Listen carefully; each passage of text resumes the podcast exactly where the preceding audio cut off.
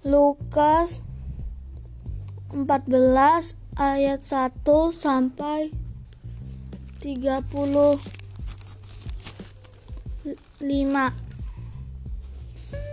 Lagi penyembuhan pada hari Sabat pada suatu hari Sabat, Yesus datang ke rumah salah seorang pemimpin dari orang-orang Farisi untuk makan di situ. Semua yang hadir mengamati amati dia dengan saksama. Tiba-tiba datanglah seorang yang sakit busung air berdiri di hadapannya. Lalu Yesus berkata kepada ahli-ahli Taurat dan ah, orang-orang Farisi itu katanya, diperbolehkah diperbolehkankah menyembuhkan orang pada hari Sabat atau tidak? Mereka itu diam semuanya. Lalu ia memegang tangan orang sakit itu dan menyembuhkannya dan menyuruhnya pergi. Kemudian ia berkata kepada mereka, "Siapakah di antara kamu yang tidak segera menarik keluar anaknya atau lembunya atau terperosok ke dalam sebuah sumur meskipun pada hari sabat mereka tidak sanggup membantahnya. Tempat yang paling utama dan yang paling rendah. Karena Yesus melihat bahwa tamu-tamu berusaha menduduki tempat-tempat kehormatan ia mengatakan perumpamaan ini kepada mereka.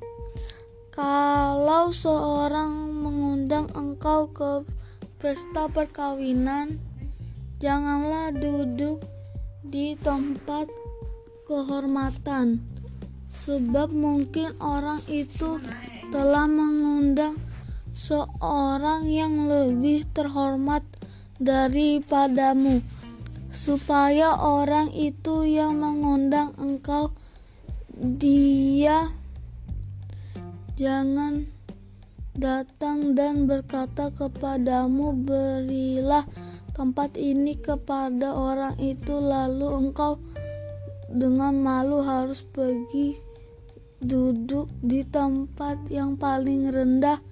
Tetapi apabila engkau diundang pergilah duduk di tempat yang paling rendah. Mungkin tuan rumah akan datang dan berkata kepadamu sahabat silakan duduk di depan. Dan dengan demikian engkau akan menerima hormat di depan mata semua tamu yang lain sebab barang siapa meninggalkan diri ia akan direndahkan dan barang siapa merendahkan diri ia akan ditinggikan.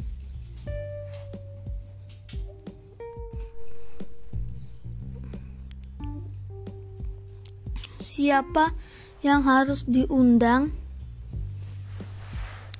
Dan Yesus berkata juga kepada orang yang mengundang dia, "Apabila engkau mengadakan perjamuan siang atau perjamuan malam, janganlah engkau mengundang sahabat-sahabatmu atau saudara-saudaramu atau kaum keluargamu atau tetangga-tetanggamu yang kaya karena mereka akan membalas dengan mengundang engkau pula dan dengan demikian engkau mendapat balasnya. Tetapi apabila engkau mengadakan perjamuan, undanglah orang-orang miskin, orang-orang cacat, orang-orang lumpuh, dan orang-orang buta. dan engkau akan berbahagia karena mereka tidak mempunyai apa-apa untuk membalasnya kepadamu. Sebab engkau akan mendapat balasnya pada hari kebangkitan orang-orang benar. Perumpamaan orang-orang yang berdalih. Mendengar itu, berkatalah seorang dari tamu-tamu itu kepada Yesus, "Berbahagialah orang yang akan dijamu dalam kerajaan Allah."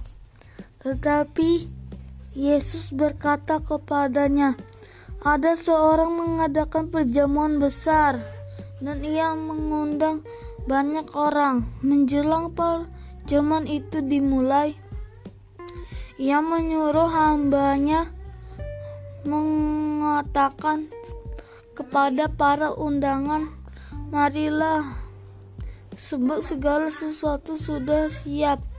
Tetapi mereka bersama-sama meminta maaf. Yang pertama berkata kepadanya, "Aku telah membeli ladang dan aku harus pergi melihatnya. Aku minta dimaafkan. Yang lain berkata, aku telah membeli lima pasang lembu kebiri dan aku harus pergi mencobanya. Aku minta dimaafkan. Yang lain lagi berkata, "Aku baru kawin dan karena itu aku tidak dapat datang, maka kembalilah hamba itu dan menyampaikan semuanya itu kepada tuannya. Lalu murkalah tuannya tuan rumah itu dan berkata kepada hambanya, "Pergilah dengan segera ke segala jalan dan lorong kota dan bawalah kemari orang-orang miskin dan orang-orang cacat dan orang-orang buta dan orang-orang lumpuh. Kemudian hamba itu melaporkan, Tuhan, apa yang Tuhan perintahkan itu sudah dilaksanakan, tetapi Sekalipun demikian, masih ada tempat. Lalu kata Tuhan itu kepada hambanya, Pergilah ke semua jalan dan lintasan dan paksalah orang-orang yang ada di situ masuk karena rumahku harus penuh. Sebab aku berkata kepadamu, tidak ada seorang pun dari orang-orang yang telah diundang itu akan menikmati jaumanku.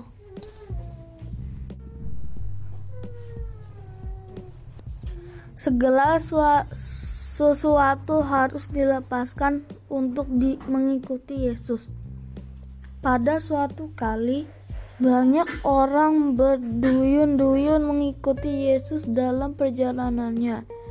Sambil berpaling, ia berkata kepada mereka, "Jikalau seorang datang kepadaku dan ia tidak membenci bapaknya, ibunya, istrinya, anak-anaknya, saudara-saudaranya, laki-laki atau perempuan, bahkan nyawanya sendiri, ia tidak dapat menjadi muridku.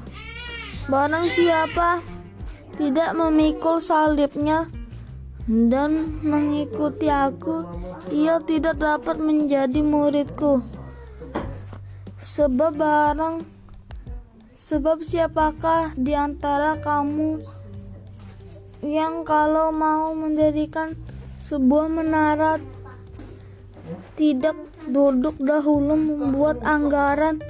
Biayanya kala-kala cukup uangnya untuk menyelesaikan pekerjaan itu.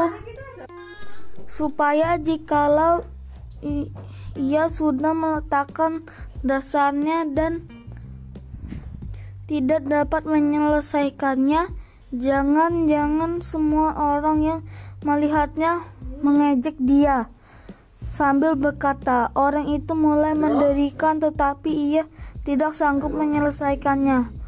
Atau raja manakah yang kalau mau pergi berperang melawan raja lain?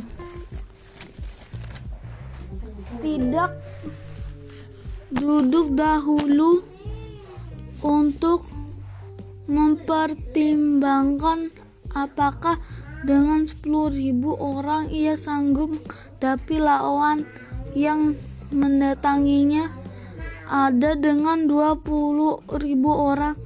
Jikalau tidak ia akan mengirim utusan selama musuh itu masih jauh untuk menanyakan syarat-syarat perdamaian. Demikian pula lah tiap-tiap orang di antara kamu yang tidak melepaskan dirinya dari segala miliknya tidak dapat menjadi muridku. Garam yang baik tetapi jika garam itu menjadi tawar apa? Kah ia diasinkan? Tidak ada lagi gunanya baik untuk ladang maupun untuk pupuk. Dan orang membuangnya saja. Siapa mempunyai telinga untuk mendengar hendaklah mendengar